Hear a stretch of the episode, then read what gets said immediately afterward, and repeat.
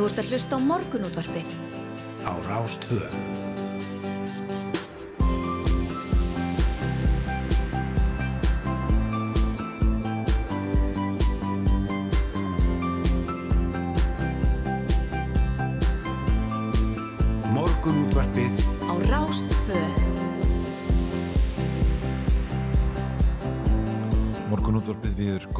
Mánudaginn 15. ágúst klukkuna vantar tímyndir sjöu það er yngvar Þór Björnsson og Hulda Gestótti sem alltaf sita hérna með okkur til klukkan nýju í dag. Já, allt eins og það á að vera hér í morgunútvarpinu á rásinu okkar allra. Nú við ætlum að koma viða við í dag, við ætlum að heyra af hérna árlega sæjunar sundi, við ætlum að reyma okkur hlaupaskóna fyrir Reykjavík marathónið. Nú við ætlum að ræða efnahagsmáli í Evrópu og Bandaríkjónum. Við ætlum að tala um uh, fríar tíðavörur í Já. Skotlandi meðal annars og uh, nýsköpun fyrir börn og íþróttir svo eitthvað sinna. Já, já, venju samkvæmda mánudegi. Um, ef að ska, skoða þess hérna, e, já, fórstíðu blaðsins Já, er það- dag.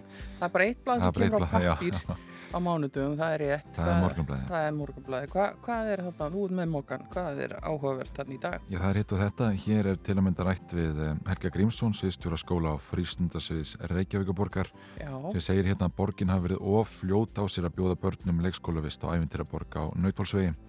Hann um, segir að 90 börnum hafi verið búin leikskólavist þarna, bæði á Ekkjarskötu og Nautólsvegi í november síðastlinum já, en fyrirnemdi leikskólinn er ekki tilbúin. Þrjára fjórum æfintyraborgum eru enn ekki tilbúnar en gert er á fyrir að tvær þeirra opni í oktober og eini í desember. Þetta er hitt ótrúlegasta mál og, eh, og hérna þetta er, þessar ævintýraborgir eru þessir leikskólar sem eru í svona, svona færanlegu húsnæði. Einmitt, einmitt, já, akkurat og, og það verðist einhvern veginn oft vera að að, um, að hérna svona, að, að það eru skrifstofu stjórnarnir sem, sem hérna sem þurfa að, að ræða þessi erfiðu mál. Jú, það er þannig, einhverjir þurfa að að svara fyrir En- en- e, þá hluti. en borgarfulltrónir hljóta að gera það líka núna í vikunni. Já, það er, það er, uh, það er víst alveg örugt. þetta mál er, er því að hverki næri lokið.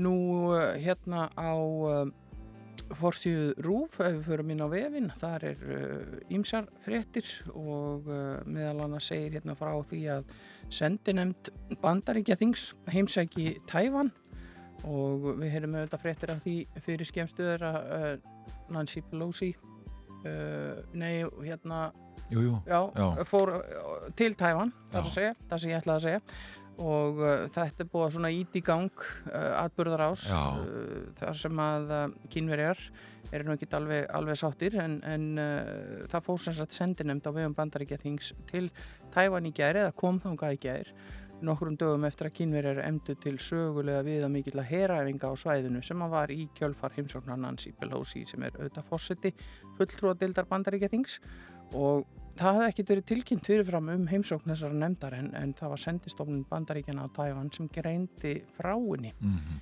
og uh, tilgangur heimsóknarinnar, þetta er hérna í frétt eftir Markus Þóralsson á Rú.is uh, segir hér er uh, að þetta er hluti yfirferðar hópsins um Kirrahafsvæðið uh, er að ræða samskipti Tævan og bandaríkjana, öryggismál á svæðinu viðskipti fjárfestingar, lofslagsmál og önnur mikilvæg mál. -hmm.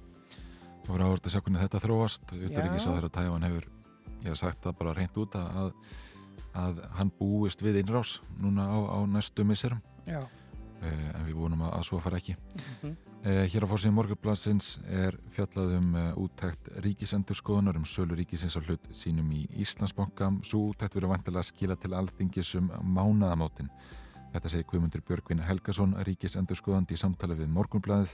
En mhm. útættinni átti uppháðlega að skila í lok í júni en síðan var ráðgjert að henni erði skila fyrir Veslunumannahelgina en þau áframgengu ekki upp. Og hann segir hérna þetta hefur verið umfangsmikið og eins og allar okkar útættir þá þarf að vanda til verka. Það skiptir meira máli en að vinna þetta samkvæmt tíma áallun segir Guðmundur hér í, í samtali við morgunblæðið þannig að við býðum enn eftir þessari skýslu og þá þarf hann að fara fyrir eh, hérna, nefndir alþingis áður en þetta verið byrt skilsmér Já, já, já og uh, svo er hér uh, verið að tala á vísi um nýjar uh, ruslatunnur. Þetta er eh, reyndar erlend frétt hérna, þetta er ekki ruslatunur hérna úti hjá okkur, en það segir hérna nýtegund af ruslatunum á gödum San Francisco borgar sem eru í Kaliforníu bandaríkjónum á vestuströndinni uh, var meir en þrjú ári í framlegslu og kostar hvert eintakennar 20.000 bandaríkjadalega 2,8 miljónir króna. Tegundur er ein af sex nýjum ruslatunum sem hafa verið teknar í nótkunni í borginni í sumar og uh, þetta er sérst átak til að stemma stegu við yfirflæðandi ruslatunum San Francisco borgar mm -hmm. og réðu borgar hefur völd fyrirtæki til að hanna þessu tegund sem að heindir soft square eða mjúki ferðningurinn Mjúki ferðningurinn, Já, einmitt. Svo líka hanna tvær aðra tunnur uh, grannvaksna skuggamyndin slim silhouette og salt og pipar sem er ekki síður kostnaðansamar og ég veit ekki, það ekki ennþá, kemur ekki ennþá fram henni hérna í fréttinni hvað er hvað er svona merkilegt við þessar tunnur? Kannski er það bara útlitið að þeim. Borgar ég völd að vera leitað hinn í fullkomnu ruslatunni í tónu okkur tíma og uh, að sögn yfirvaldar og gömlu tunnunar ekki nægilega góðar þar sem götin er of stór og það er auðvöld að róta í ruslinu. Akkurat, Já. akkurat. Herru, talandum um, um uh, já, mat og, og, og fleira slíkt uh, rusl, það var hér mjög áhugaður frétt á, á annar síðan morgunblassins uh, Bakkelsi er nú flutt inn í meira mælin áður. Já. og dæmur um að, að bakari selji innflutt, krossant, vínarbröð og kleinurhingi svo fátt eitt sér nefnt innflutningur á Bakkelsinna 4196 tonnum árið 2021 í samanböru við 3268 tonn árið áður.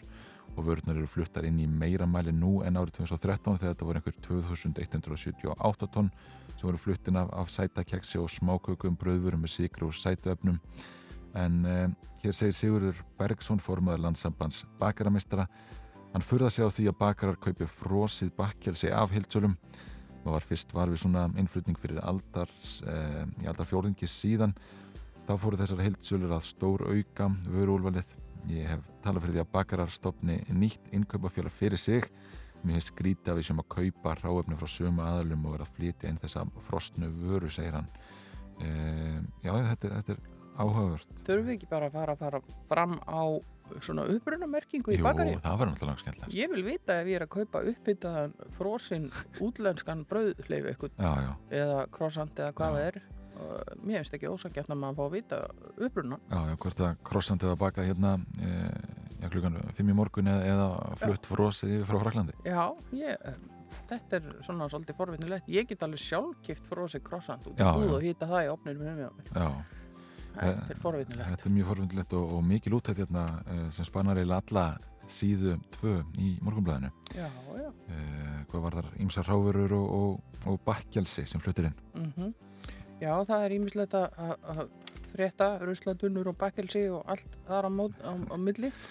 En uh, það eru líka fleiri fréttir hér inn á, á vísi, hér til dæmis skemmtileg frétt hérna af uh, ukrainskum krökkum sem að læriðu fókbólta og eignuðust nýja vini á þrótti. Já. og uh, svo var heilmikið uh, fókbóltamóti í Víkinni þarna í hverfinu mínu, það var mikil gleði petit hammingumótið og allt fullt af pínu litlum fókbaltafótum hann að taka skóma upp og niður göduna heima. Og það var alveg gaman að fylgjast með þessu og, og veðri var gott um helgina þannig að allir nutu sín vel. Já, já, þetta er skemmtilegt bæði fyrir þá sem taka þátt og, og fóröldrana Já, það er vel gert. Ekki spurning. En uh, hér framöndan eins og alltaf fréttir á slæginu klukkan sjö frá fréttastofunni hér hinum með við gangin og þegar þeim líkur þá komum við aftur hér inn í morgunútarpið og förum nánar yfir það sem er að daskra hjá okkur lítum til veðurs og sitt hvað fleira. Þú ert að hlusta á morgunútvarpið á Rástvöð.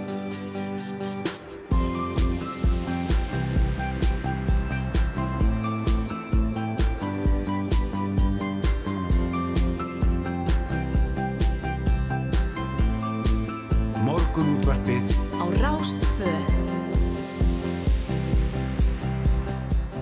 Áfram höldum við hér í morgunútvarpinu. Bjóðan góðan dag á Rástfö Huldagestóttir og Yngvar Þór Björnsson með ykkur til klukkan nýju og ímislegt á dasgrá hjá okkur hér í dag. Hefur við kannski að renna þessi yfir það Yngvar Jú, það er ótt að segja að við komum við að við.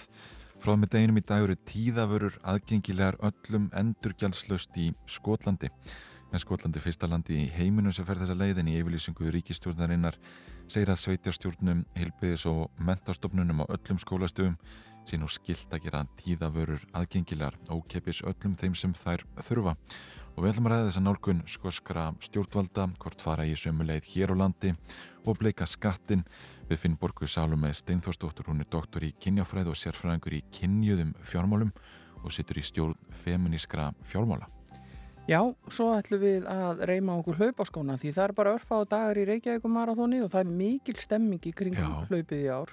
Uh, fólk er að sapna auðvitað, það er laupastyrkurinn og, og svo er þetta svona, já, síðustu dagarnir til að gera sig klár og við ætlum að fá hana Silju Úlfarsdóttur hjá IBR sem jafnframt er líka hlaupa þjálfari og hlaupari til að heimsækja okkur uh, upp úr halv átta og fara yfir það sem framöndan er og hvernig er best að haga undirbúningi þessa síðustu daga fyrir hlaup. Já, Ef einhverjum dettur í hug til dæmis bara í dag að skrá sig þá er svona spurning hversu hérna, gáðulegt það er og hvernig hægt er að nota síðustu dagana. já, já, nákvæmlega.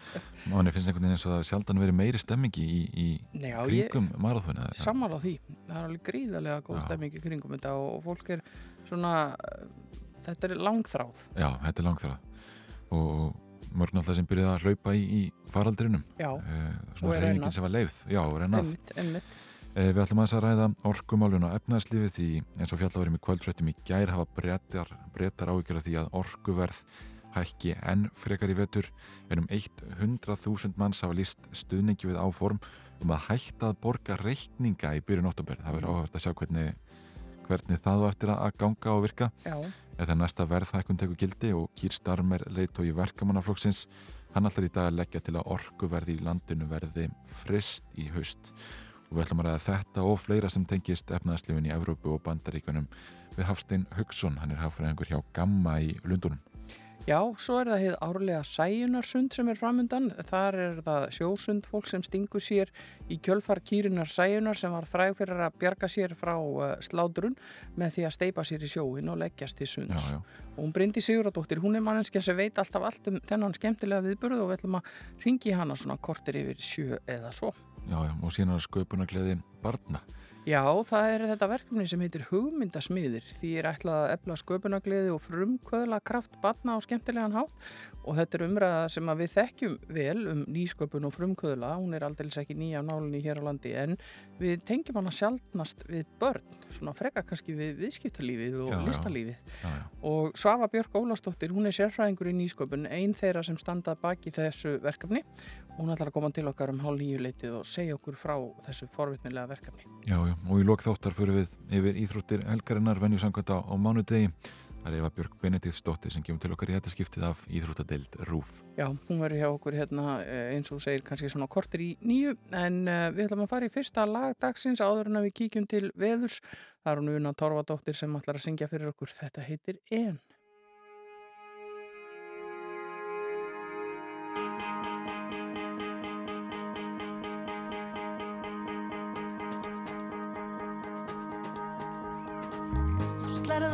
Þráðinn seint á kvöldin og við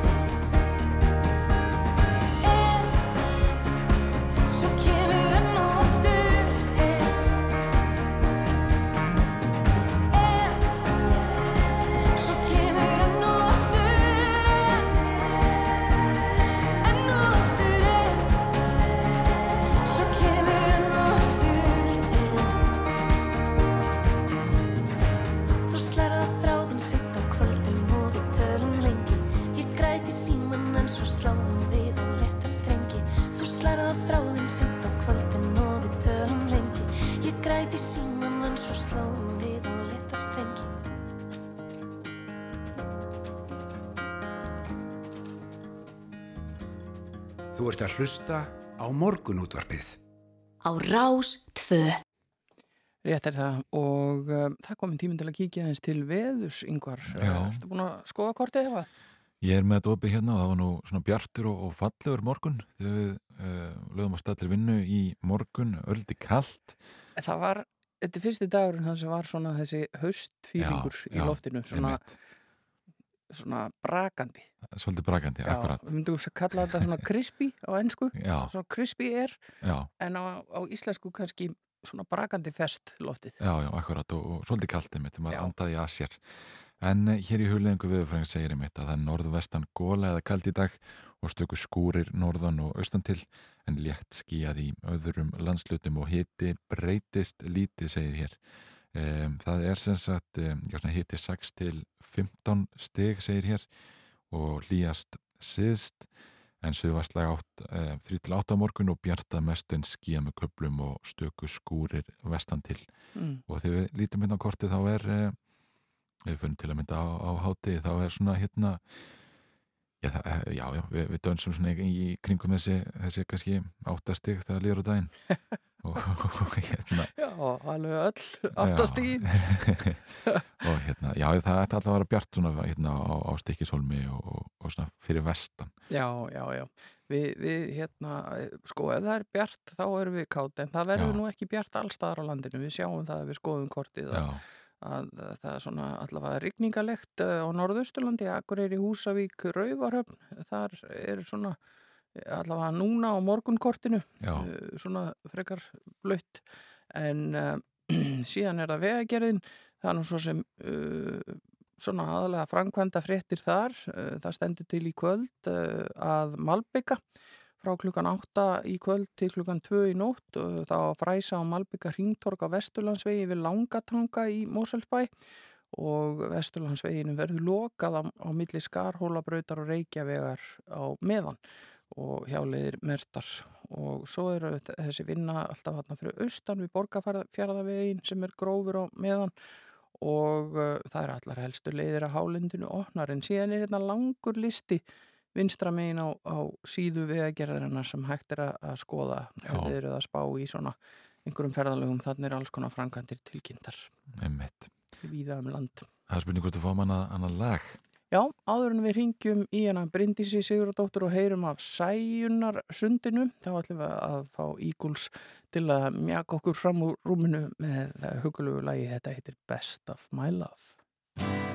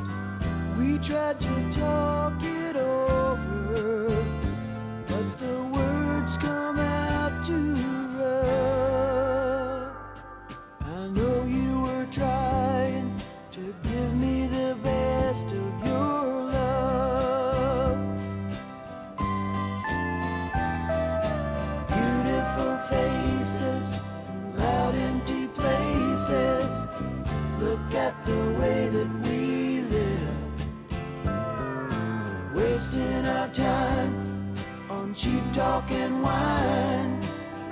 Left us so little to give. That same old crowd was like a cold dark cloud that we could never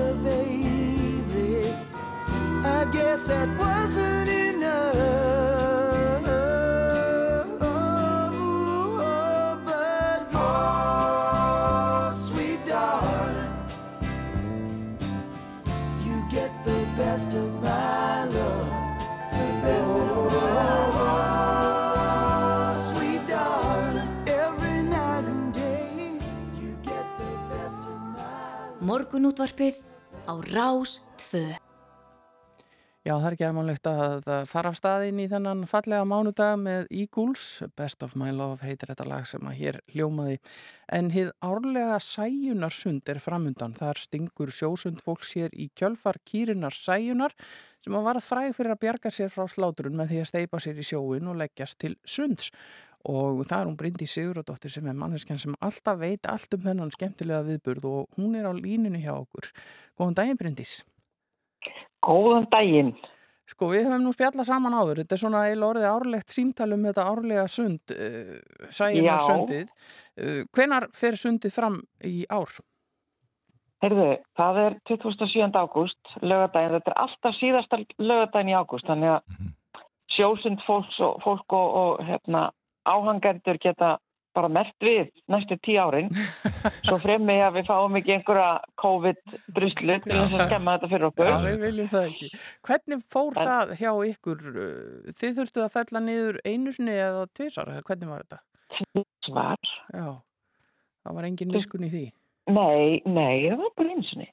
Já, Þegar við syndum í fyrra, alveg við bara sleftum í að vera með partíið, þannig að það var ekki, ekki, hérna, ekki almennilegt lokahóð hjá okkur í fyrra. Já, og ég man að En, þú en, talaður en um það það, var sint. já, þú talaður um það einmitt mani að það er ekki knúsað mikið þegar fólk kemur upp. Já, já. Og það er mjög slæmt, að það er svo stór partur af þessu. Já, einmitt. En, en það verður Að tekið upp knúsa aftur og hafa gaman. Já, nú verður bara tvöfalt knús. Já, já. Alveg bara bæði fyrir og eftir og mörgusinnum, sko. Við sjáum að það fjölga svolítið í, í hópi þeirra sem er að stunda sjósund. Uh, verður þið vör við það? Að, að það séu fleiri alltaf að, Já, að sækja þetta sund? já. Þetta, þetta fjölgar á hverju ári. Sko, það voru 28, minni mér sem lögðarstaði fyrra. Mhm. Og núna erum við komið með á fjórðartögu skráningar, Já, sko. já, já. Já, það er bara þannig. Ó, já. Mhm. En fyrir þau sem er að hlusta og hafa ekki heyrt af þessum viðburði áður, uh, þú má kannski segja okkur östuð frá því bara hvar þetta fer fram og, og hvernig. Já, heldur að sé ennþá einhver sem ekki veit. Ég veit ekki, það er svo margt fólk til. Já, það er reyndar svo margt fólk. Sko, þetta er sem sagt, hérna, við syndum í klaufar, segjum við, en ekki í kjálfar, en það er þetta sama, Ég ætla að laga þetta. en þetta er sem sagt kýr sem átt að lega til slátrunar um, þegar að það þurft að fætti í fjósum Mm og, og sæjun átt að fara í slátrun, uh, hérna, slátrúsa flattri. En hún var nú ekki alveg á því, þannig að þegar að, að átt að leiða hann út úr bílnum og inn í slátrús, þá sleit hún sér lausa með miklum látum og grínlaust rauk hann út á, á, á út á byggju og bara yfir fiskikör stökkun, þetta líka flikki, og út í sjó. Ég, veistu, þetta er bara fólk sem sá þetta.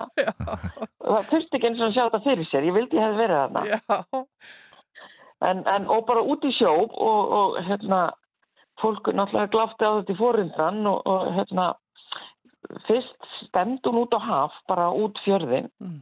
Og, og, og fólki þótti þetta alltaf fyndið að því hún sko stingur halanum upp, þetta var eins og loftnett, svo bara tekur hún beigju og stefnir beint inn í Valþjórsdal, hvert yfir fjörðin og hættir við að fara út og, og, og hafa út Já, heldur bara fer yfir og, og þegar að, að hérna, menn sjá að hún, hún er bara komin langlegin yfir, þetta er rúmir 2 kilometrar Já.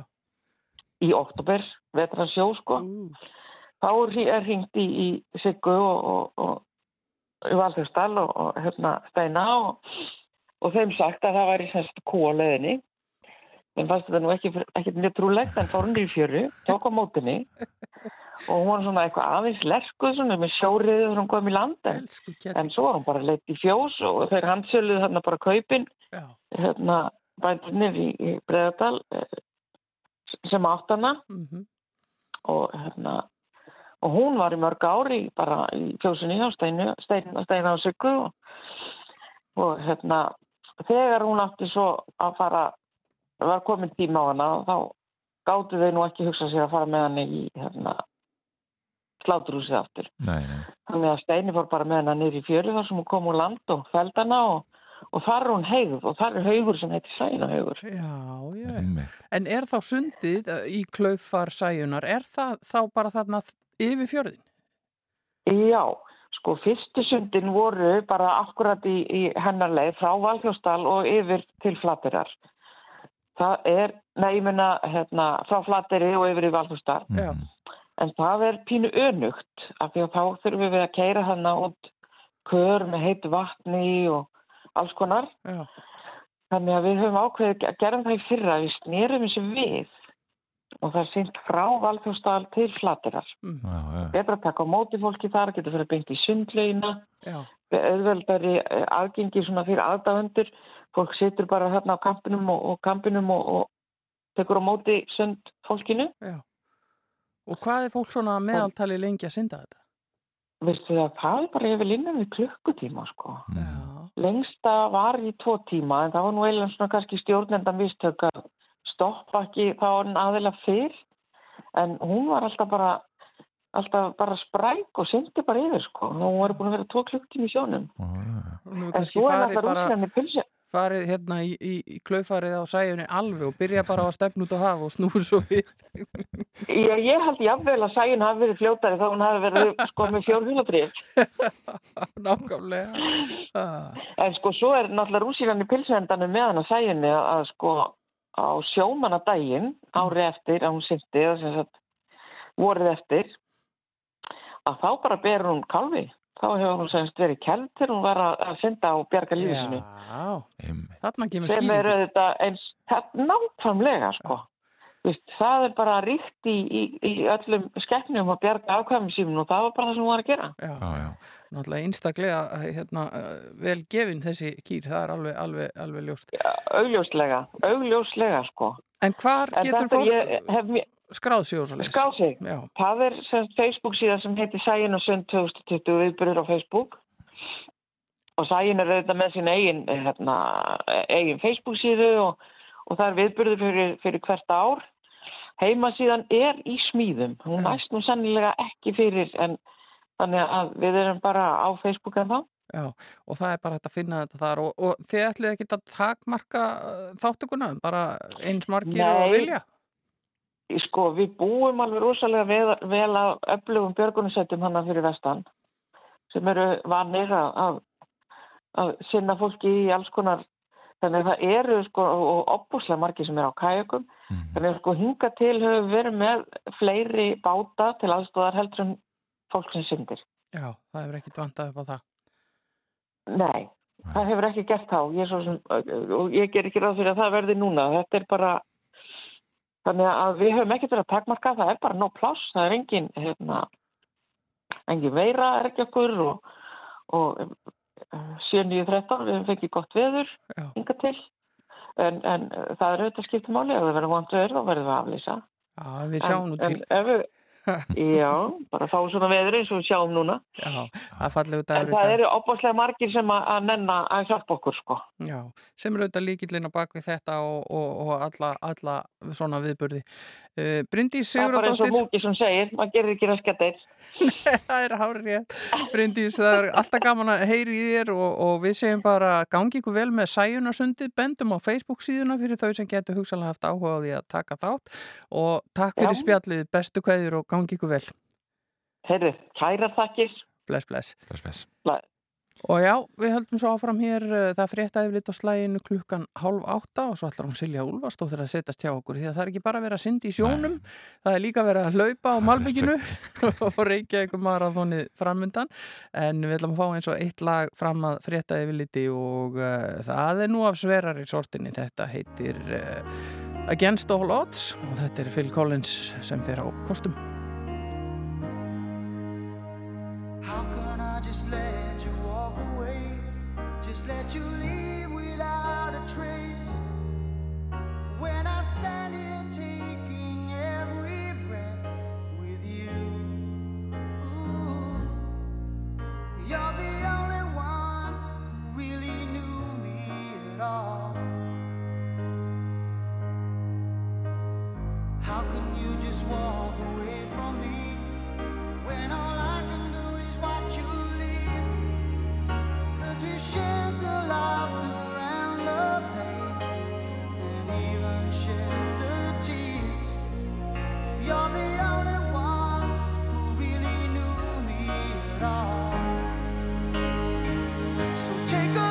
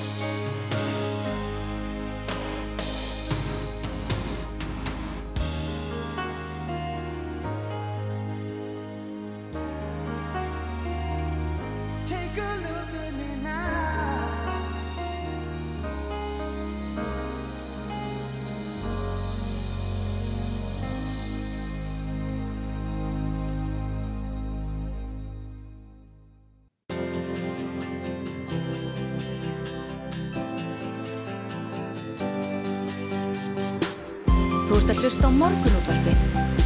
á Rástvö. Nú ætlum við að vinda okkur í morgunleikvumina yngvar. Jú, úr sundunni í, í hlaupið. Já, já, við Ah. verum mjög mikið á íþróttalegum nótum í dag en það ætlum við svona að virkja fólk inn í vikuna. Já, Það er markmiði hjá okkur. já, já, hver veit nema við sem morgunæðingar hérna í lokþáttar. Já, ég menna aldrei að vita, við erum að byrja að undirbúið þetta og höfum fengið toppmanniski í málið hérna með okkur. en það er bara að fáið dagar í Reykjavík marathónið og það er mikil stemming í kringum þetta. Við þekkjum þetta fyrirkomulega, verið að sapna styrkjum og allir með sín góðu málefni. Já, já. Og við höfum fengið hann Silju Úlfarsdóttur hjá IBR til okkar. Hún er auðvitað sjálf hlaupaþjálfari og hlaupari og maður byrja hann að fara svolítið yfir það sem framöndan er og, og svo kannski líka hvernig er best að haga undirbúningi svona þessa síðustu daga fyrir hlaup. Á, en hún er bara geispandi það. Ég var ennilega ekki sjá það. Það er kannski bara nóg að gera þessa dagana við að æfa. já, já, það er nóg að gera þegar Reykjavík marathónin nálgast að hérna, það er í mörg horn að líta að halda svo stóra viðbjörn. Hvern, hvernig hérna, hefur undirbúningu gengið?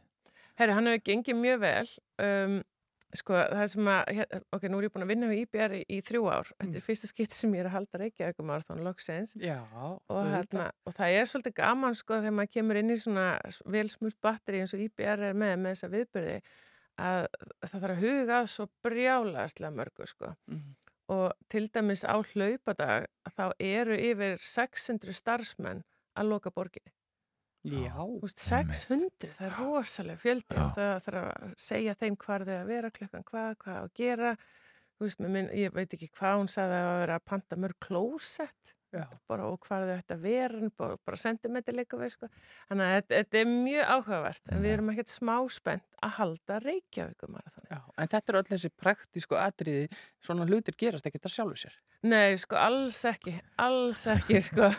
Það er að svo mikla huga og við erum alltaf að reyna að hugsa að hvað er það sem að, þú veist, hlauparinn vill og fjölskyldina vilja og bara viðskiptavinnurinn og hérna, hvað gæti vantað, hvað hefur komið upp á og förum við skýslur síðustu ára svo við missum ekki af neinu og, Mhm. og hérna, þetta er, þetta er mjög skemmtilegt, það er mjög gaman að, að setja svona batteri saman. Já.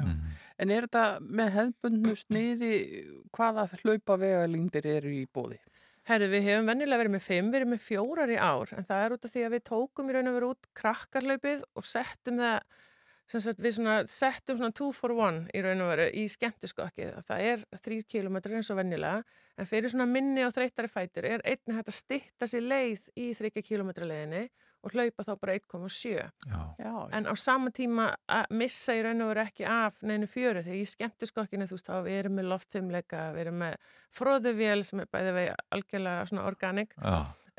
og, hérna, og við erum með þú veist alls konar svona stöðvar, skemmti stöðvar á leiðinni. Og, hérna, og við erum rosa spennt fyrir því og Friðrik Dóra ætlar að hita upp. Þannig að það er kannski svona um, aðalbreytingin að hérna, við tókum út krakkarleipið, við vorum líka svolítið að hugsa sko, að fólk, fólk leipur og svo var skemmtiskokkið og svo var það að býða eftir hinnu þannig að við hugsaðum bara við getum bara samin að þetta og þetta er svona bara kannski meiri family time. En, en svo er það, hérna, erum við búin að færa rás, nei, jú, rásmarkið. Mhm. Hvar, hvar við byrjum. Og það verður núna í hérna, sólegagötu sem er bara hliðin á hljómskálagarðanum Já, já. og þetta er kannski svona áhrifin af COVID sem við erum kannski spennt að prófa ef við getum sagt það að hérna um, út af því þegar við vorum að plana hlaupið í COVID að þá vorum við að hugsa uh, að hlauparnir myndi ekki blandast. Þeir sem var að klárast og þú veist vorum að hafa fólk í hólfum og þetta allt eins og við þekkjum. Já. Þannig að hérna við færðum, færðum rásmarki þannig að núna tegist betur á hópnum þannig að það er ekki alveg eins mikið kös í byrjun þannig að við erum svona, já við erum spennt að sjá hvernig, hvernig það leggst í fólk Já. En síðan er alveg, þú veist, það er heilt marathón líka.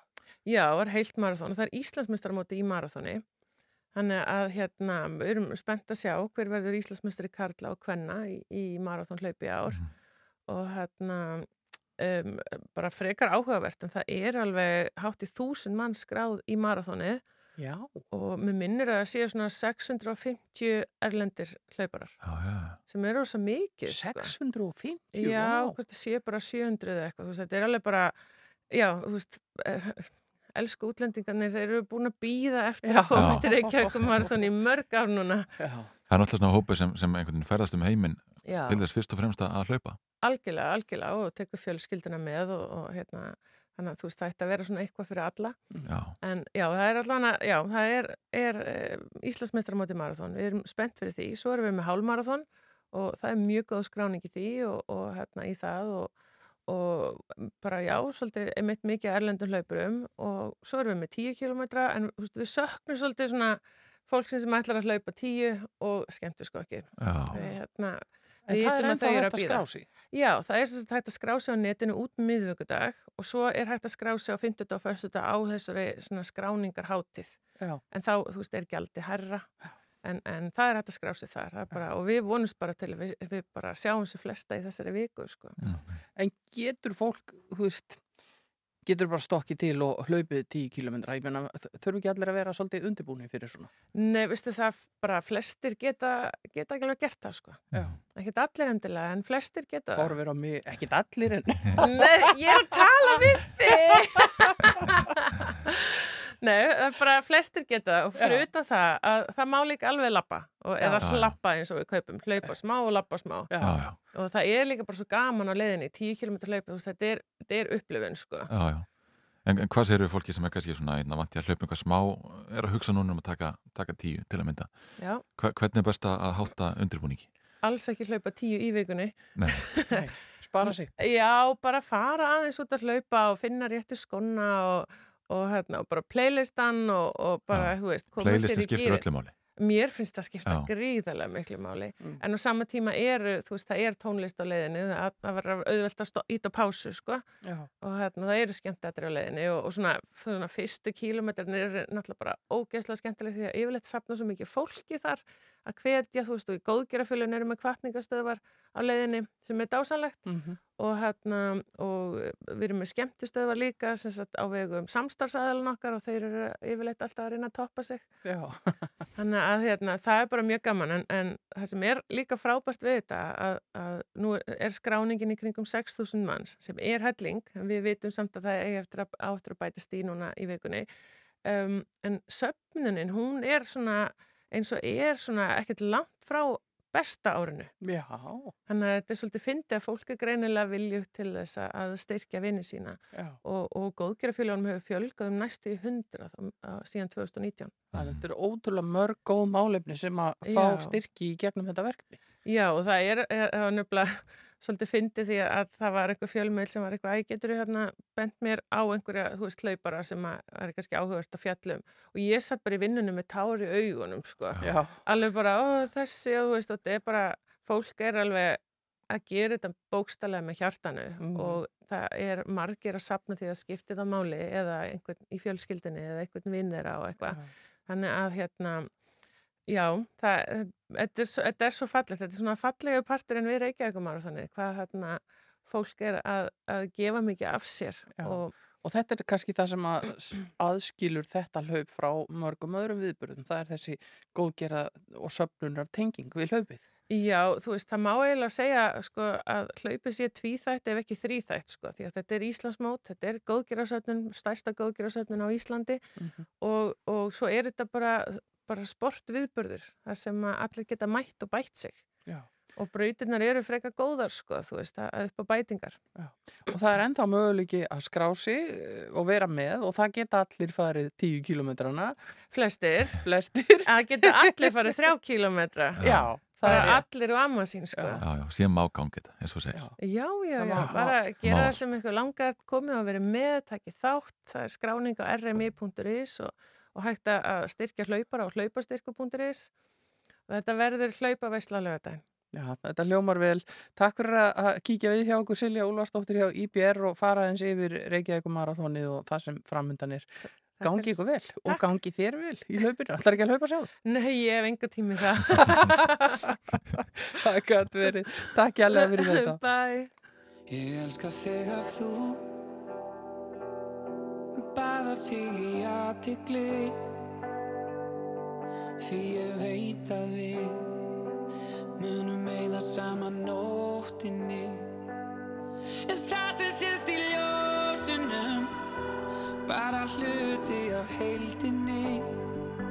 Já, ég þekki allt í lengdarmá Hvíslar þeim að mér undir sænginni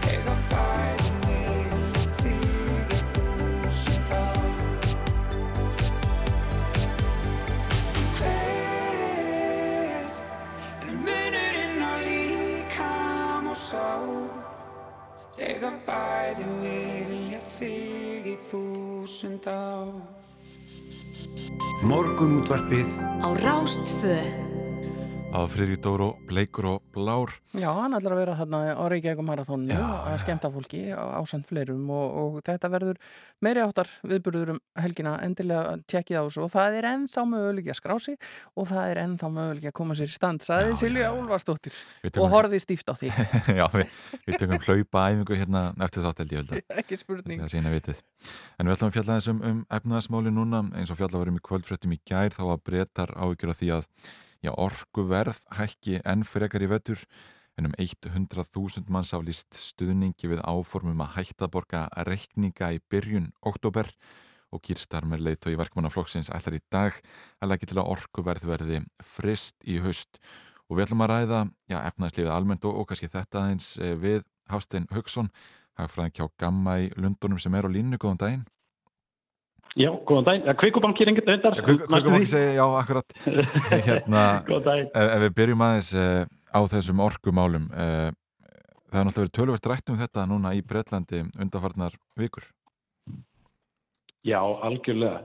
Og það er náttúrulega sama sagan hérna eins og viðast hvar annar staðar á Vesturlöndum og, og orkuverði er svona einn helsti, helsta driffjöðurinn í þessari miklu verðbólgu sem við erum að sjá og, reyndar er það nú þannig að ég hérna þreytist eiginlega ekki á því að benda á. Ég held að undirótina af þessari miklu verðbólgu uh, á heimsvísu og, og hún er þessar miklu eftirspurna hvetjandi aðgerðir sem að uh, ríkistjórnur og sælabankar fóru í, í, í kringum COVID Uh, og ég líki stundum við það sko að hella vatni í glas. Að þegar þú hellir vatni í tómt glas að þá gerist ekkit annað heldur en bara það að glasið fyllist og það er eiginlega það sama sem að gerist þegar það farið í eftirspunna hvetjandi aðgerðir í hagkerfið það sem er mikið atvinnuleysi eða mikið vannýtt framlýslu geta að þá gerist ekkit annað heldur en bara það að, að verðmætti byrja að skapast. Þar að segja atvinnuleysi gengur niður og það byrja að nýta framlýslu getana og það fram með til göttunum en ef það er haldið áfram að hella í glasið eftir að það fyllist að þá byrjar að sullast og það er eiginlega, uh, verðbólgan er það í efnaðarslegu tilliti að það er eiginlega sullið þegar eftirspunna hvetjandi aðgerðirnar halda áfram eftir að það er búið að ná fullir framherslugetu í hagkerfnum og þetta er kannski eitt sem er svo erfitt að fínstilla Já. og þess vegna erum við að sjá þessa miklu verðbólgu. En það er alveg hár rétt að hún, hún fær útrás með ólíkum hættu og ólíkum stöðum. Uh, í bandaríkinum að þá erum við til dæmis að sjá uh, alveg opbólslega mikla spennu á vinnumarkaði sem er að knýja áfram mikla launahækkanir og það hefur kannski verið en helsta driffjöðurinn í, í, í hérna verðbólkunni. En hérna í Evrópu að þá erum við að sjá um þetta orkuverði hefur uh, þessi, þessi miklu áhrif og breytar eru eiginlega í þeirri vondu stuðu að þurfa bæði að klíma við uh, mjög mikla spennu á vinnumarkaði og síðan þetta háa orkuverð. Já, já, ummitt. Sko, Kýr Starmer leitu í verkefnaflokksins leggur til að, að frista orkuverðið hvaða áhrif heldur að það, að það hafi og heldur að það sé svona raunhafur möguleiki? Já, ég, svo sem, ég held að það hefði nú svona vonda áhrif á afkomu margra orkufyrirtækja. Af því að það er reynda þannig nú þegar að það er þakk á uh, orkuverði hérna í Breitlandi en það er endur skoða tvisa svona ári í apríl og oktober. Uh, og það tók svona stórt stökk núna í apríl síðastlinum og menn hafa miklar áhyggjur á því að þegar þetta taka orkuverð til almenning sem við endur skoða í oktober að þá munum það taka annað sambærilegt stökk. Uh, og, og, en, en, en svo leið sem að kannski breytar hafa farið sem að uh, uh, önnur Európaríki hafa farið að minna að það eru þessar sko nýðugreðslur á, á raforkureikningum til heimil þannig að þeir hafa reynd að mæta þessu orkuverði uh, hækkunum orkuverði uh, með þeim hætti en það er augljóst eins og, eins og þið bendið á að það kannski er ekki að gera nóg fyrir þá, þá sem að standa höllustum fæti í samfélaginu. Já, en hefur það ekki einhver áhrif á, á efna, efnahagslífi líka þegar ríkið er farið að styrkja fólk í orkukaupum? Þetta lítur allt einhvern veginn að vinna inn í þetta glas? Já, það má nú segja þá og það er kannski sko þess að þarf að passa svo vel þegar það er farið í þessar aðgjörð að það berist fyrst og fremst til þeirra sem að þurfa mest að þeim að halda. Já. Af því að eins og þið segið, ef það væri farið í, í sko þetta nýðugreið orkuverð til allra, líka til fólk sem að ræður kannski við greiðslubiðina, þá náttúrulega er það bara mm -hmm. uh, ennþá meira spreka á þetta, þetta verðbungu bál og þá er sko ríkistjórnin farin að toga í aðra átteldur en uh, sælabankin og það kann voru lukkuð á tíð. Mm -hmm. Nei, einmitt. Og sen er spenna á vinnumarkanum eins og þú segið, það voru verkvöldarnum helgina. Já, það var uh, lestaverkvall núna á lögadaginn og það er í sjálf sér framhald á uh, þessum verkföllum sem að byrjuðu í júni og, og þeir kalla þetta hérna uh, óanægu sumarið og, og það er þá með tilvísun í óanægu veturinn eða Winter of Discontent Já. 1978 til 79 og þá voru margt mjög svipaðar aðstæður í bresku samfélagi uh, að því leitinu til að það var tölvöld mikilvæg bólka. Uh, Verkalýsfélög fóru fram á mikla launahækkanir og, og, og ríkistjórnin reyndi eins og hún gata að standa á mótið þeim einmitt til þess að reyna að koma í veg fyrir að, að það er kynntu undir verðbólgubáli sem að þá var og það er í sjálf og sér það sama sem við erum að sjá núna. Mm. En auðvitað hefur maður skilning á því að þetta eru sko starfsmenn, ofnveri starfsmenn fyrst og fremst sem eru að fara í þessi verkföll og það er verið að bjóða þeim kannski 23% launahækkanir á sama tíma og verðbólkanir fann að nálgast tveggjast á að tölu mm. Uh, og sama tíma á almenni markaður en þar eru að sjá launahækkanir kannski upp á 7-8% þannig að það er nánast engin rýrnin í kaupmætt en almenna markað. En reyndar held ég líka að það þurfum við að skoðast í samhengi við það á almenna markaðin að þar kom nánast allt höggið uh, í gegnum COVID, að þar töpuðust öll störfin, þar var mesta tekjutapið og að einhverju leiti er bara verið að vinna þetta upp núna á meðan ofinberu starfsmennir að þeir heldur sínum, sínum störfum meirað að minna í gegnum allt COVID, þannig að það er kannski líka að skoða þetta samingi við það. Mm. En, en aftur, auðvitað er það ekki gaman að vera að fá uh, bóðum kannski 23% launahækkun í 10% verðbólkum og, og um það snýst, uh, snúast þessi ver, verkvöld. Uh, við nú nokkur sem hirtið er varandi sko, verðbólguna og, og stýrivexti hvernig mötur þú næstu mánuði í, í þeim efnum? Sko, núna nefnilega held í fyrsta skipti sem við byrjum að ræða þessi mál og þá getur við komið með svona örlítinn vonar nýsta að við erum núna eiginlega að sjá í fyrsta skipti að síðan að verðbólgan byrjaði að klífa uh, síðasta sumar og síðasta uh, sumar við voru 2021 að þá eru svona að byrjuði að sjást í ákvæð teknolófti Eh, við sáum verðbólgutölur frá bandaríkjum koma í síðustu viku þar sem að verðbólgan lækkaði úr 9,1% niður í 8,5% og hún er náttúrulega ennþá langt yfir markmiði en þetta var samtægilega í fyrsta skipti þar sem að verðbólga kom inn vel undir væntingum en ekki yfir væntingum eins og hún hefur verið að gera undanfarnar mánu og verðbólgan fór náttúrulega fyrst af stað í bandaríkunum þannig þannig að þar munum við, við getum að leta til bandaríkjana sem svona leiðandi hægvísis um það hvort að verðbólgu þrýstingunum sé byrjar að minka. Mm. Nú hérna í Breitlandi að þá er verðbólgan reyndar en þá uppleið uh, en þegar við horfum í gegnum verðbólgutölunar á svo kallar undirlíkjandi verðbólgu þegar að segja verðbólguna þegar það er búið að reynsa út orkuverð og matvælaverð og þess að sveiplukendu liði og við fáum kannski aðeins betri myndaði hverjur undirlíkjandi verðbólguþrýstingur nýhagkernu að þá hefur undirlíkjandi verðbólgan verið að ganga niður núna tvo mánu í röð. Uh, og svo hefur óljuverð sem hefur náttúrulega verið aftur eitt stærsti drivkraftur ný uh, verðbólgu á heimsvísu mm -hmm. að það er núna komið undra, undir uh, 100 dólara fóra hæst upp í númulega 120 eftir innrásuna í Ukrænu og það mun líka hjálpa til við að minga þennan verðbólguþrýsting á heimsvísu. Mm. Reyndar er það ekki komið til að góðu því miður uh, af því að það er kannski fyrst og fremst af því að uh, hagvæðstarhorfur hafa vestnað í heiminum og það er útlitt fyrir minni eftirspurn eftir orku alveg sérstaklega frá bandaríkunum og Kína en einhvað síður að þá hefur þetta þessi jákaða áhrif á verðbólgum. Mm. Þannig að það er svona bjartara yfir, getur við sagt? Já, ég myndi, ég myndi segja það. Uh, og við erum að sjá núna svipaða hluti, sko, ég ætla að reyna að drepa hlustundur ekki algjörlega á leiðum, en, en þegar við horfum á, hérna, á uh, vexti á vakstaskiptamarkaði, að þá er hægt að reikna út uh, framvirka vakstaferðla og framvirki vakstaferðlar er eiginlega bara flókinleið til að segja hvaða væntingar hefur markaðurinn um stýrivexti til næstu mánuða. -hmm. Og þar erum við að sjá tiltunlega miklar hækkanir í kortunum kannski framundir lók þess árs Svo erum við að sjá uh, vexti kannski verða stöðu að það er eftir og byrji síðan að lækka frá og með næsta ár. Og þetta líka segir okkur að markaðurinn innan gæðslappa gerir ráð fyrir því að sæðlabankar séu að fara að ná tökum á verðbólkunni uh, frá og með næsta ári. Þannig að þetta eru svona nokkur í ákvæða tekst á lofti. Og þetta endur speklast síðan líka á, á hlutabriðamörkuðum. Uh, þar erum við núna að sjá eða í fyrsta skipti síðan að þessi mikla verðbólku og vakstahækkanir byrjuðu að þá eru núna að sjá til dæla sterkar hækkanir á alþjóðlegum hlutabreyðamörkum og hlutabreyði bandaríkjum var hækkað um í kringum 16% frá því um miðjan júni og hafa þá bundið enda á þetta funga ár eh, sem að, að hlutabreyði voru að eiga fram að því. Akkurat. Ég held að þessi ágæta enda þetta á þessum jákvæðanótum Hafstinn Haugsson, hagfræðingur hjá Kviku í, í Lundunum. Takk fyrir að ræða við okkur hér í morgunótturpinu. Bestu takkir. Já og eh, við ætlum að heyra hér eini Aldus Harding sem stýgur á sviði Ljómahöll í Reykjanesbæ í kvöld á tónleikum. Og er fáið með þar eftir held ég. En frettir klukkan átta. I feel time is up. When I was a child I never knew enough What that do to me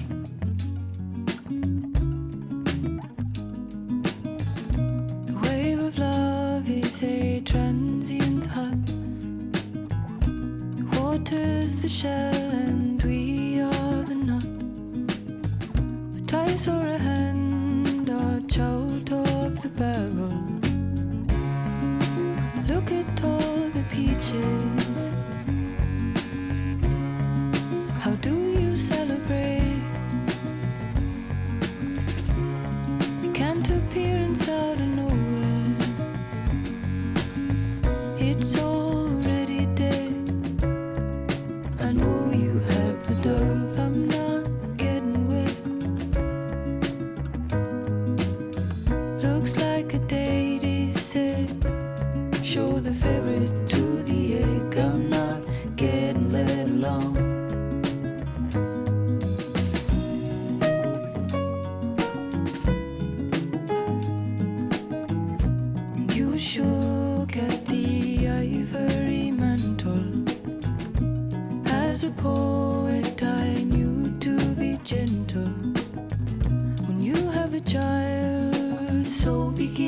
Braiding, and in that braid you stay.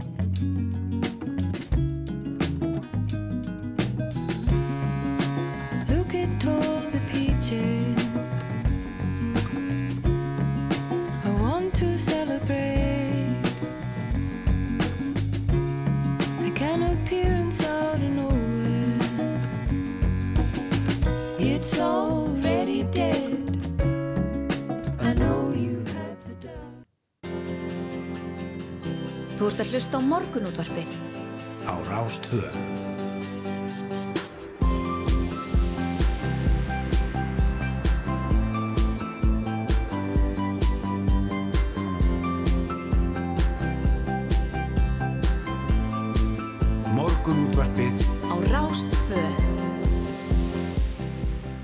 Setni hálfleik hjá okkur í morgunútarpinu þennan ágæta mánudag, ný vika hafinn og, og svona bara bjartur og fallegu dagur hér að minnstakosti á höfuborgarsvæðinu þegar við fórum að stað í morgun. Brakandi loft eins og við nefndum í náðan. Já, einmitt, svona svolítið fest og ég sá hérna einn félaga minn uh, byrta mynd á Facebook. Þetta er fyrsta svona frostmyndin sem ég sé í ár. Já. Hann þurfti að skafa aðeins Já, þannig, já, Það er bara þannig á Suðurlandi. En uh, það er bara eins og það er. Hver, hver, uh, hver tímabil hefur sinn sjarma og nú er haust sjarmin framundan.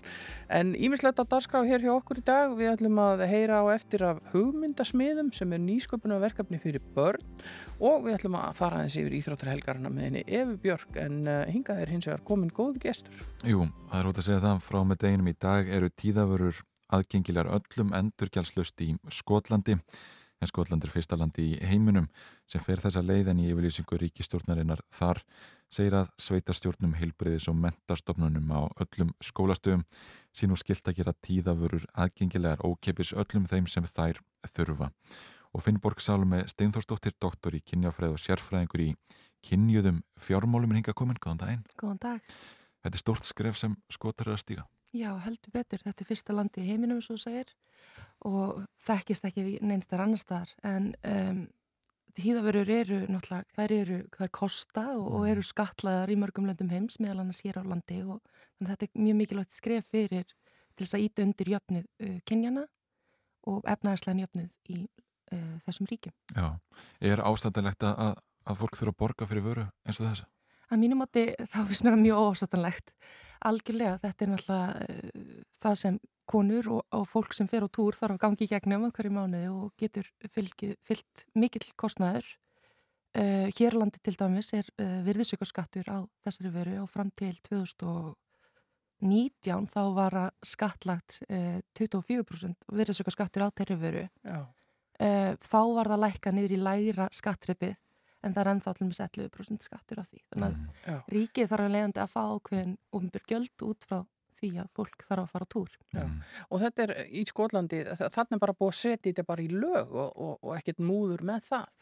En, en veistu hvernig, það, hvernig þetta er svo útvært ef, að, ef ég þarf að kaupa mér, uh, e, kaupa, nú fellur það orðið niður, ég þarf að ná mér í tíðavörur, uh, það, það er þá veintalega einhverja leiðir til að gera það, þá er þetta ekki lengur bara eitthvað svo þú kaupir út í búð. Nei, nefnilega ekki og, og í Skotlandi er það að gera þetta aðgengilegt, aðgengilegt á ofnbjörnum stöðum, hjá ofnbjörnum stofnunum og þau hafa útbúið app sem skilst að sé búið að vera eh, virt síðan um áramót og það sem þú getur fundið út frá staðsetninguðinni næsta stað til þess að nálgast þessa förur. Mhm. Já, já. Það eru umræðum þetta nokkru sinum hér á landi. Eh, hver er staðan á þessu málum núna?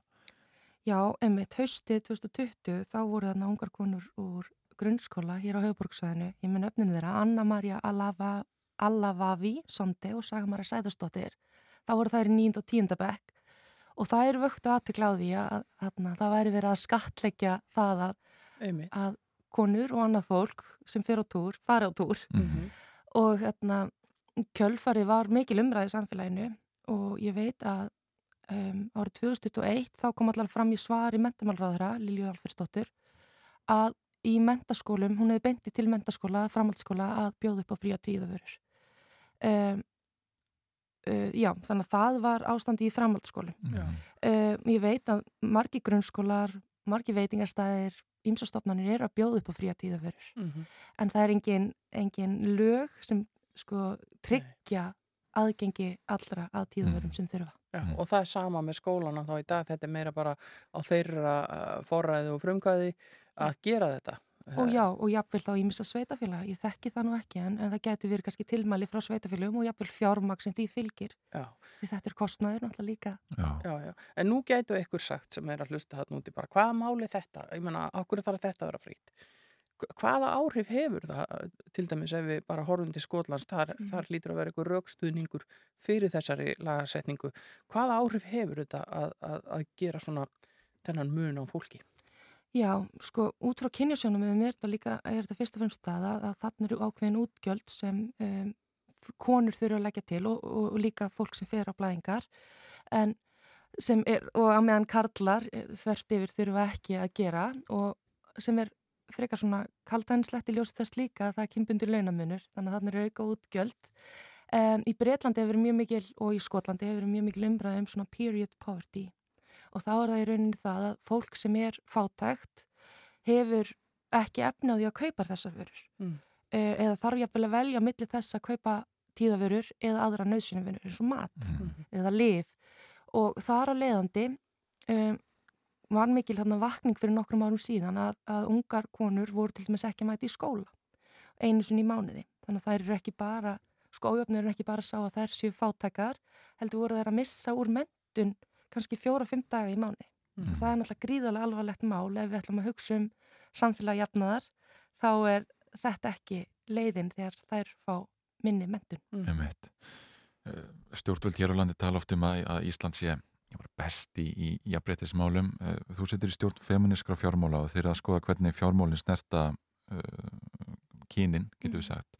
Uh, hallar sko, fjármálalega oft á, á ákveðin kyn uh, til að mynda það kemur að einhverjum, einhverjum vörum og einhverju þjónustu? Já, það er náttúrulega þessi umræðum svona pink tax eða svona bleika skattin að svona vöru sem svona eru ætlar konur, konum séu, eða þjónusta séu dýrari heldur en, en, en fyrir kalla og við vitum góð dæmi hér á Íslandi er til dæmis bara klipping, mm. Hvenna klipping er, er dýrar en kalla klipping. Nú eru þið með nokkuð svona sambarilegar klippingar. Já, já, mætti segja það. Þetta, þetta er morgun útvarsklippingin, sko. Já, en einhver þú borgar minna fyrir þína klippingu á öllum líkindum. Já, mjög líka. Og hérna... Og ég er samt með mjög góðan díl þar sem ég klipp bara svo það komið skýrt fram. en svona heilt yfir almennt, þá er þetta svona þessi bleiki skattur og þetta er líka oft umræðið á samfélagsmiðlum á Facebook um til dæmis bara bleik og blá badnarhlut, nákvæmlega sama varan en, en, en bleikfötun eru dýrari. Mm -hmm. En þannig er ég ekki að vísa ykkur rannsóknu, heldur meira bara svona umræði á samfélagsmiðlum. Já, já. En þegar þið hafið bent stjórnvöldum á þetta, eh, hver eru svörin? Já, einmitt. Við erum í feminskum fjármálum, ég fór að næðast út fyrir, en í feminskum fjármálum erum við að beina sjónum að ríkisfjármálunum. Og við höfum verið að, að rýna í fjármálaállun og, og fjárlög á hverju ári og, og svo fengum við styrk úr jafnbryttsjóði uh, til þess að rýna í COVID-aðgeri stjórnvalda út frá kynni jafnbryttsjónum. Og, og það sem við erum að sjá hér á landi og bara víðast hver í heiminum, það sem þetta er gert, erum að skoða, er að ákverðinu teknar út frá svona ákveðnum viðmiðum sem eru hliðhóllari svona körlum og kallægum geirum. Og þannig að, uh, en þú spyr sérstaklega um viðbröðin, við eigum í góðu talsambandi við stjórnvöld, erum í, eigum góða samstagsafli, það er mjög mikið að sérfræðingum í þessu málefnum innan stjórnaráðsins sem við eigum í góðu talsambandi við og svo fáum við um, uh, ofta koma inn til fjárlaga nefndar og, og, og gera grein fyrir málakar. Aftur í móti höfum við kannski ekki mynd séð uh, breytingar á okkar uh, breytingar á lögunum eða áallanunum mm. í taktu okkar tillögur en, en eins og segi það eru sérfrækjarnir stjórnaráðsi sem er að gera ótrúlega flotta hluti en það vandar svolítið svona pólitíska ákvarðunar og þar komum við inn og erum að reyna að þrýsta breytingar. Já, já. Ef við snúum okkur aftur að, að tíðavörunum og þessu, þessum breytingum í Skotlandi, uh, við tölum um, um fjárarslegu tenginguna þar að segja að þetta kostar pening og, og, og hefur áhrif þannig. En hvað með svona félagslegu hliðin á þessu? Getur verið að, að í einhverjum tilfellum séu uh, unga stúlkur og ung fólk sem vantar tíðavörur um, bara hreinlega feimin að byggja um þetta heima hjá sér, að þetta sé keift fyrir sig eða getur þetta skipt máli líka bara svona uh, þannig? Já, og ég meina það er mjög vel hérna, rannsakaði með þessi skömm sem er tengt uh, því að fara á túr og það komum fram í þessari sko umræðu um period poverty að það er líka það að, að auka aðgengi uh, og gera þetta og líka kannski svona normalísera mm. og ég mm. held, mér minnir, ég held að skosk stjórnvöld séu líka með því svona eitthvað svona vitundavakningu um um blæðingar og, og, og svo framvegis þannig að mm. Það er auðvitað þekkt líka í mörgum svona uh, verkefnum þar sem fólk er að styrkja uh, í, í, í fátakari ríkjum uh, að þá eru tíðavöru stundum inn í svona pakka sem þú getur keift þannig að aðgengi að þessum vörum er ekkit allstaðar einfalt. Nei, og svo getur líka sko þetta út frá umhverfisliðinni, þetta er náttúrulega fyrst og fremst líka sko ennóta tíðavörur og þá kemur umræðan um sko fjölnóta en einmitt í takti við það í þessum ríkjum, það sem er ekki reynd vatn, mm. þá er það svolítið hættulegt að, að fara að dreifa fjölnot á vörum sem annan er já, ekki hægt að drífa. Þannig að þetta er svona, það er að balansera þessu umræð út frá mörgum sjónumviðum, en já. ég var einmitt að skoða einmitt með fjölnot á tíu vörurnar hér á landi, það eru skatlaða líkt og einnota, um, en sérst 11%. Um, og það verður áhvert að sjá hvort að Skotland sé að fara að bjóða upp á fjölnota tíðavörur fyrir uh, sitt fólk. Já, já. En heldur að þetta munu hafa áhrif og, og verða til þess að fleiri lönd farið þessa leið? Já, ég vona það og þetta er alveg til fyrirmyndar og, hérna, og eitthvað sem sko, Íslegs stjórnvöld ætlu klárlega að, að mm. skoða. Ég ætla að þetta sé ágætt loka ára Finnborg Salome Steinforsdóttir, dóttur í kynjáfræði, sérfræðingur í kynju fjármálum og, og stjórnarmeðlumur í, í feinmjörskum fjármálum. Takk fyrir að kíkja til okkar í morgunúttarpi. Takk fyrir mig. Þetta er Áskir og Snowblind.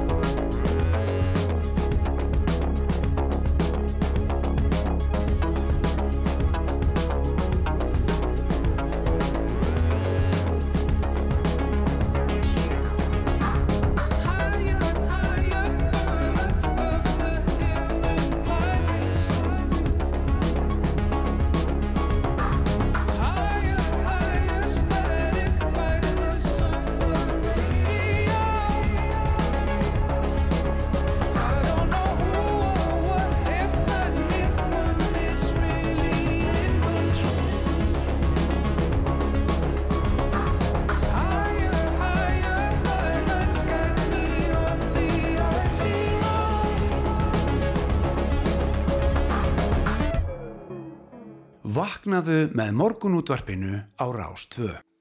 Já, eru allir lungu vaknaður og allt í góðum gýr með það en uh, þú varst að, að reyka hugun hérna í áhugaverða frétt á vef kjarnans. Já, það kemur fram að danskir mentaskólar eh, endurhugsi drikkjumenninguna.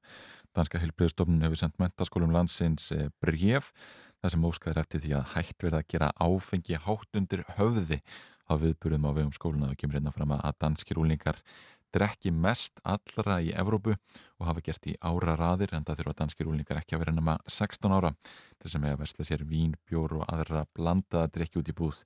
Svo lengi sem áfengismat fer ekki yfir 16,5% reyndar. Ég vissi þetta ekki. Nei, það er rík drikkju menning þannig Já, og svona hún var nú kannski revið sérstaklega upp í, í þessari frábæru dansku kvikmynd Já, Drukk Drukk. sem að, að kennararnir reyndar ákvaðu að, að slást í hópin og, og vera alltaf aðeins rakir þetta er svona veist, þetta er bæði sorgleg og fyndin mynd Já, já. Í, í sjálfu sér og, og, og, og, þetta mæla meðni fyrir þau sem ekki hafa séð en, en uh, þessi drikkjumenning samt hefur þó samkvæmt þessari frétt ekki valdið nógu miklu mágjum til þess að þeir séu eitthvað að fara að hækka þetta? Nei, að, aldur, mér sýnist þetta fyrst og fremst sko þá er danska heilbriðstofnunin að sjá ástöðu til þess að hvetja til þess að hægt verið að setja sama sem merkja á milli mentaskóla viðburða og, og mikillar já, já. áfengisneislu og ráði gegn áfengisneislu ungmenna undir 18 ára. Það er nú oft verið, verið hérna ákveðin áfengismenning í kringum íslensku bölin líka Jú, jú, ég veit ekki hvort þetta hefur breyst. Einhvern veginn hef ég á tilfinningunum þegar, ég var í, í mentaskóla þá hafi þetta nú verið svolítið lífleira Já, og það er miklu fleiri miklu fleira ung fólk í dag sem að eh, tekur það ákvörðun að vera ekki að drekka. Já, já, og svo eru það líka svona edrúpottar Já. þau sem að, mælast sagt, ekki, drekka ekki neitt á böllum og, og, og, og hérna, láta mæla það til að sanna. Þá eru mjög gerna svona veglegir vinningar í bóði og það er alls konar kvartning til þess að, að sleppa þessu og, og ég er náttúrulega í dag, ég nenni eiginlega ekkert að standa í þessu þó maður hafi kannski tekið á því á mentaskóla böllunum minni innan tíð, maður nenni ekki í dag. Já. Nákvæmlega, það er hérna haft eftir formanni danskra nefndasamtaka á TV2 að þau hafi lengi talað fyrir því að ekki erið bóðið upp á drikki með áfengismagni yfir 5% á mentaskóla viðbyrjum en eins og að geti bann við áfengi og slíkum viðbyrjum leitt til þess að mentaskólanemar eigi fyrstu kynni sín af áfengi í ótryggum aðstæðum Já. utan svona hefðbundina viðbyrða á vegum skólans Já, já, þetta eru áhugaverða pælingar hérna inn á, inn á kjarnanum. En eins og við sögðum þá er ímislegt framöndan hérna hjá okkur í morgunútarpunni í dag. Uh, á mánudöfum förum við yfir íþróttafréttir. Svona það allra helsta af íþróttum helgarna var reyndar svo rosalega mikið um að vera núna um helgina, bæði innanlands og utan að, að við Það verður bara forvitnild að vita hvað hún Eva Björk Bendistóttir íþróttafréttamaður týnir upp úr, úr hattinum fyrir okkur og eftir. Og uh, svo ætlum við líka að heyra hérna á eftir strax eftir fréttaðileiti klokkan hálf nýju í henni Söfu Björk Ólástóttur hún er sérfræðingur í nýsköpun og við þekkjum þessa nýsköpunar umræðu sem að hefur nú verið umtalsverð undanfarin ár, svona í tengslu við viðskiptalífið, fyrirtækjarekstur og, og kannski listalífi líka. Mm. en uh, ekki kannski mikið í, í, í samhengi við, við börn Nei, en hún er hins vegar með verkefni sem heitir hugmyndasmiðir sem snýst einmitt um uh, sköpunagleiði og frumkvöðla kraft barna. Ætlum að fara yfir það hérna rétt á eftir. En að því við vorum að tala um uh, hressa danska mentaskólanema, þá ætlum við að henda hér í eitt lag úr, úr danska pottinum. Þetta er uh, Junior Senior og það er örgla búið að dansa á nokkrum mentaskóla böllum við þetta lag sem heitir Move Your Feet.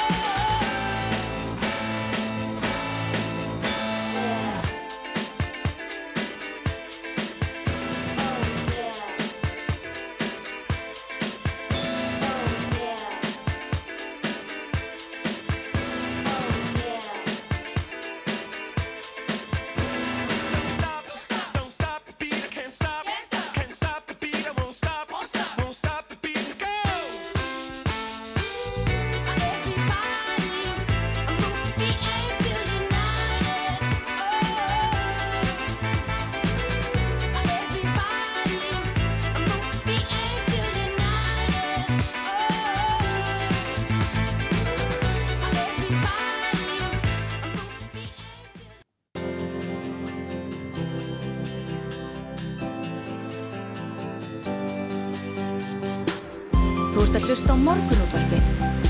Á Rástvö. Já, við þekkjum öll umræðuna um nýsköpun og frumkvöðla starfi. Við hefum nú tekið ófá viðtölinn hér við fólk sem er einmitt í þeim geira. Já, já, oftast í atvinnulífunu. Já, og, þetta, og sjálfnast tengist það börnum. Nei. Eða sko ekki nema þá að það sé ykkur svona verkefni fyrir börn. Akkurat. En uh, nú er það hins vegar hugmyndasmiðir sem við ætlum að heyra aðeins af. Það er verkefni sem að er ætlað að efla sköpunagleði og frumkvöðla kraft barna á skemmtilegan hátt og hún Svafa Björk Ólastóttir sem er sérfræðingur í nýsköpun er einn þeirra sem standaði baki hugmyndasmiðum og hún er komin hérna til okkar til að segja þess frá þessu forvétnilega verkefni. Velkomin. Já, takk hella fyrir. Uh, Svafa, hvað eru hugmyndasmiðir? Já, hugmyndasmiður eru verkefni sem vaknaði uh, fyrir ári síðan, eða sem sagt kviknaði hugmyndin að hugmyndasmiðum kviknaði fyrir ári síðan á vinnustofu um svona vistkerfi nýsköpunar á öllu landinu. Og þar fórum við uh, sem vorum samankomin þar í svolítið djúpar svona pælingar uh, um hvernig við getum í raun og veru bara hérna elft nýsköpun á öllu landinu. Ekki bara til dæmis á höfuborgarsvæðinu eða ekki bara hjá hérna í teknigeiranum til dæmis. Og við fórum svo djúft að við fórum að hugsa um bara hvernig börnin okkar alast upp og við fórum að hugsa hvort að veri munur þú veist hvernig þú elst upp, hvar á landinu þú elst upp, með hvers konar fyrirmyndir þú ert í kringum þig. Hvort að þessi munur, hvort að börn hugsi bara, já ég ætla að vera frumkvöldli yfir stóri eða ég get uh, list þessi vandamál. Þannig að þá vaknaði hugmyndin að, eins og þið viti líka bara í dag þá eru hérna áskoranna sem við erum að glíma við þar eru alltaf að verða einhvern veginn stærri og stærri. Þannig ég fór að hugsa hvernig getum við bara byrjað strax svona einhvern veginn að sá fræjum þegar börnin er í grunnskóla þannig að þau einhvern veginn vaksu upp og verði hérna örug í sinni svona lausna leit og, og geti fundið einmitt lausnir við þessum vandamálum sem við glýmum við Og Og þetta er hvaða líka bara- vandamál eru, eru börnin að bregðast þið?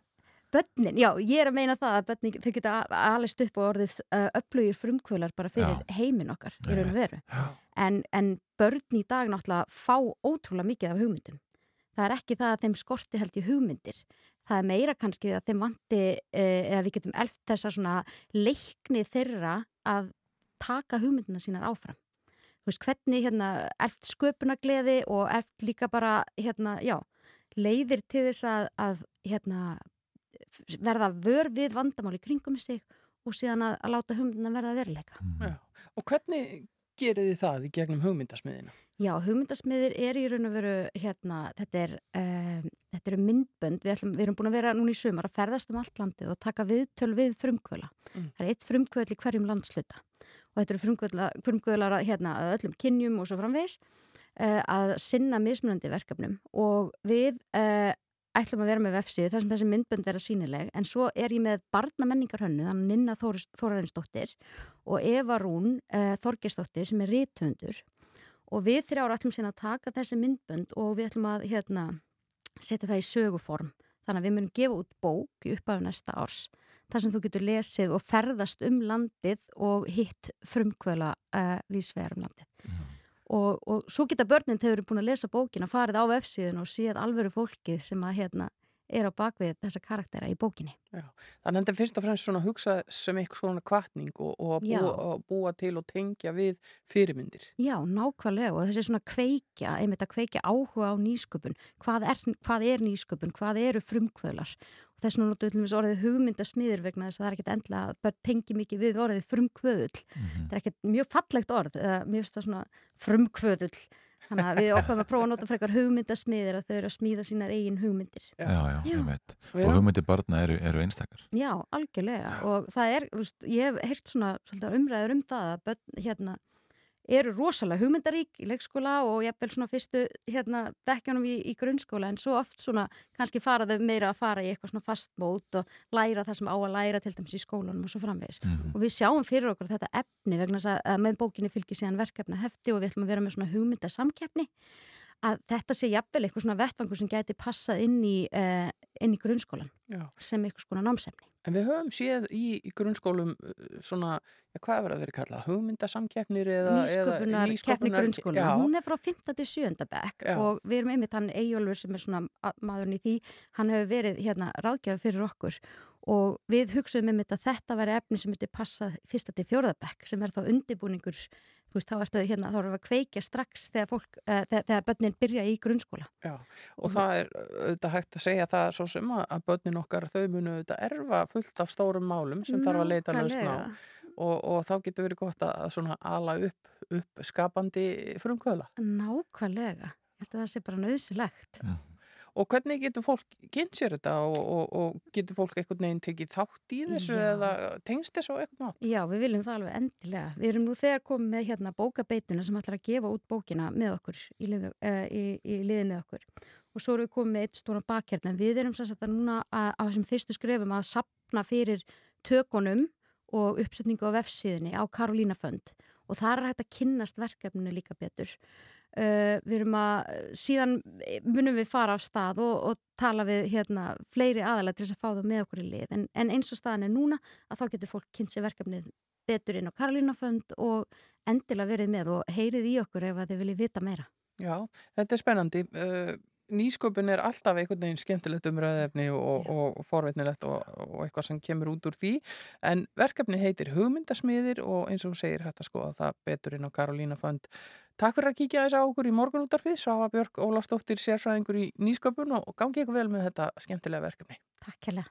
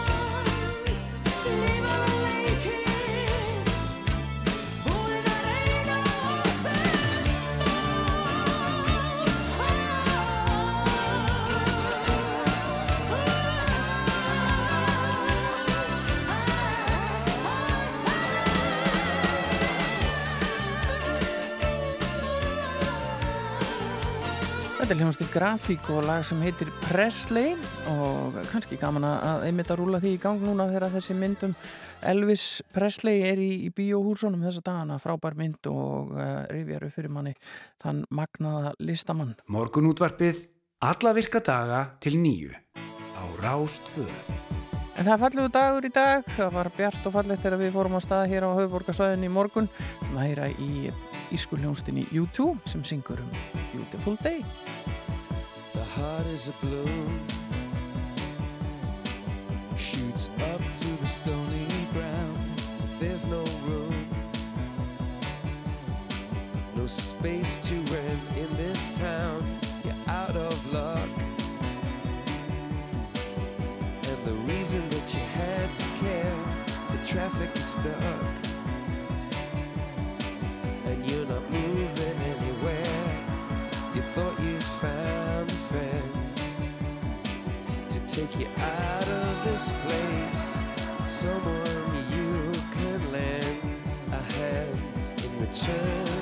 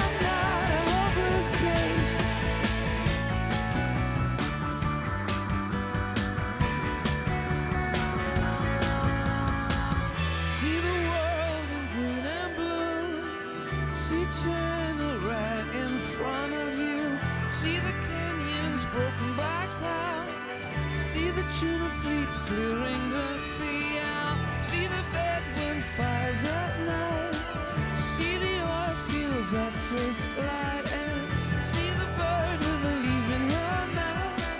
After the flood, all the colors came out.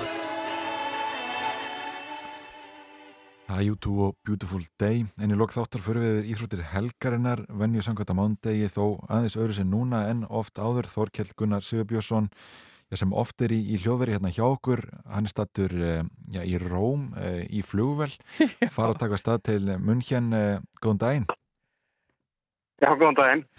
Það er svolítið flakkamann núna. Þetta er svona hál- hálfgerður Európutúr þessar dagana, sko. Já, já Hva- Hvað sér, hva, hvað hérna hver er staðan aðu núna? Sko, ég er bú- búinn að vera í munn hérna síðan á miðugudag og svo skrapp ég bara hérna yfir til Rómar og Ítalíu um helgina því að það er sko Evropamóti í sundi, það fer fram í Róm en, en svo er Evropamóti nýju öðrum keppnisgrunum búin að búið að vera í munn hérna og er áfram næstu daga. Já. En við fórum til Rómar um helgina, ég og Marja myndatöku maður til þess að að fylgja eftir, ég fyrst og fremst Antoni Sveini Makí Já, á EM í sundi þar sem hann átti bara góða möguleika verðlunum ef, ef allt er því í lagi hjá hann einmitt, það var gaman að... sem að var svo reyndar ekki. Nei, nei, hann náttúrulega koma út úr þarna þessari heftalegu matareitrun og kannski ekki alveg búin að ná, ná fullum bata, maður veit það ekki. Nei, hann, talaði um að það tækir svona fjórar vikur að ná fullum styrk og þessi er ekki nema tvær vikur síðan hann lendi þessu. Hann misti meðvitund og flutti með sjúkrabíl á, á, á spítala og svona þannig að, Mhm. þannig að ég myndi nú bara segja að miða við aðstæður og það sé frábært að hann hafi endað í sjötta Já, í þessari grein í gerð, 200 metra bringusundri. algjörlega. Uh, en, hva, en hvað er þetta er framöndan? Það er heilmikið framöndan. Við erum að drífa okkur yfir til munn hérna aftur núna. Þar er EM í frjálsýþróttum að byrja í dag. Erna Sólei Gunnarsdóttir keppir í kúluvarpin núna eftir, hún keppir eftir hálftíma í, í fórkeppninni. Fyrsta stórmótið hennar er fullorðsflokki. Svo erum við með tvo aðra kappara þar, Guðuna Val Guðnason í kringlukasti og Hilmar Örn Jónsson í, í, í sleggjukasti. Þeir keppa eftir tvo daga. Uh, síðan er eftir uh, fjórir Íslandingar sem er eftir að keppa á EM í, í hjólreiðum. Við höfum eftir að sjá fimm Íslandinga keppa á EM í fimmleikum kallaliði. Þannig að það er alveg heilmikið eftir hjá Íslandingunum á þessum Evrópumótun. Einmitt, E- Erna Sólei einmitt Þetta er núna mjög skemmtilegt sko. Já, Erna Sólei byrjar núna eftir, eftir smá Hva, sko, hvernig hérna hvernig hefur undirbúningu þeirra gengið og, og, og, og hvernig já, hvernig er fólk að spá þessum íslendingum hann úti? Það hefur bara gengið ágætlega hjá þeim. Uh, Erna Sólei, hún er, uh, sko, það eru 32 sem komast inn í kúluvarpinu. Hún er skráðinn með lagast árangurinn. Þannig að það er bara nána fengar líkur á því að hún komist áfram en, en, en þetta er nú bara spurningin fyrir hana fyrst hún er sínu fyrsta móti að sækja því reynslu og, og, og, og svo bara bæta því til framtíðar. Guðni Valur og Hilmar Örn eru hins vegar. Það er bara svona, svo ég sletti, 50-50 líkur hvort þeir komist í úslit í sínu greinum. Þeir þurfa bara að hitta á sitt kast og þá getur allt gert. Þannig að Þannig að ef þeir eiga góðan dag, þá getur þau farað áfram. Möguleikarnir hjá hinnu fólkinu, hjólöðunum og fimmleikunum eru svona kannski minni en, en maður veit aldrei. Og þið ætlið að fylgjast með þessu öllu saman, þú og, og, og Marja Guðmundsdóttir eh, þarna úti og, og þetta verður allt auðvitað í, í, í sjóarpunni hjá okkur á rúf. Já, og, og meira til. Það er EM líka í bortenni, strandlaki, klifri, kæjagróðri, kanóspretti. Þetta er allt saman í munn hérna þessa dagana og við sýnum svona frá flestu. Já. Nefna róðurunum held ég. Ég held að við höfum ekki náðu að koma honum inn í dagskrá hjá okkur. Þetta, þetta er spennandi. Þorkild Gunnar, við heyrum að flugfríðan er, að- er að bara segja ykkur að spenna beltin og, og gera ykkur klár, þannig við ætlum að sleppa þér og, og segjum bara góða ferð máli. til munn hérna og takk fyrir að vera á línunni hjá okkur. Ekki málið. Heyrum, Já, gaman að nota tækifæri aðeins að heyra í þeim þarna úti en uh, mér langar líka að nefna að því við vorum nú með viðtal við hana Heklu Katarínu landslýstjálfara í hestaíþróttum hér á Já. og uh, það voru úslit í öllum greinum um helgina á Norðurlandabóntinu í hestaíþróttum og uh, okkar fólk sótti nú heldur betur á þar og endaði með því að Íslendingar treyðu sér uh, þrjá Norðurlanda meistara titla já, já. og hann Eisteit Kristinsson sem var nefndur hérna í mitt í viðtalinu á förstu daginn, hann varð uh, Norðurlanda meistari í, í gæðingakeppni ungmenna.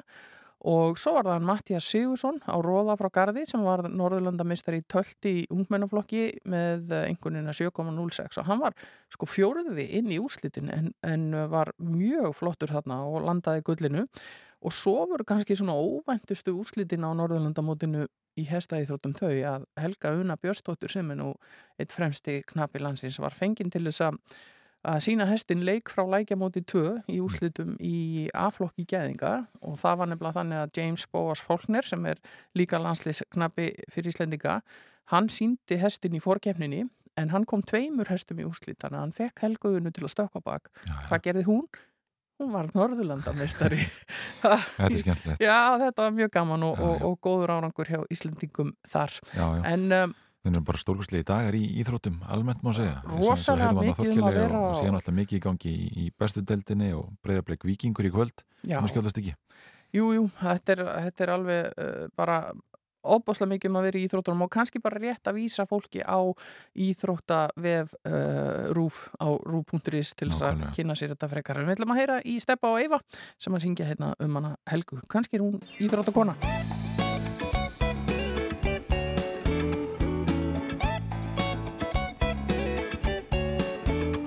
Ó Helga, þú ert æði og þú færir mér vel Ó Helga, ef ég næði einni nótt með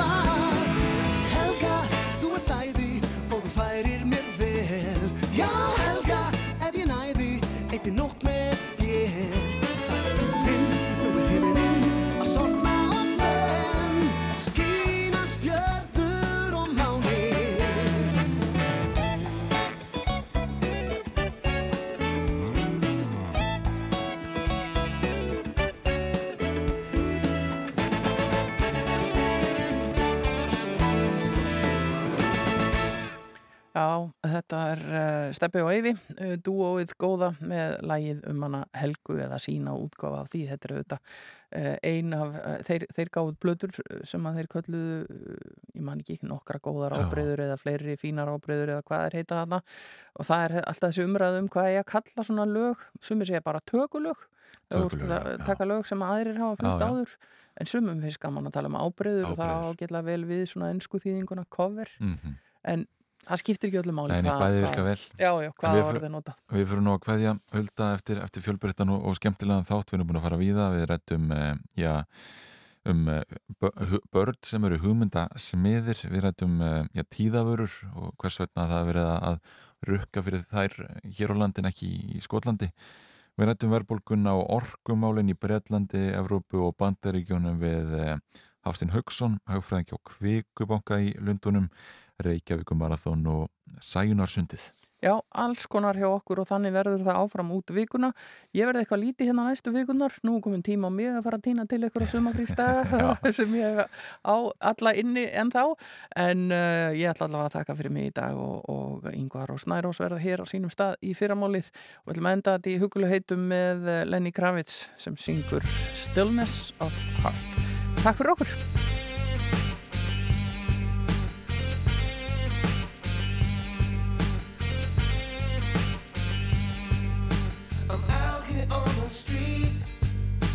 There's no one left to meet. The things that were so sweet no longer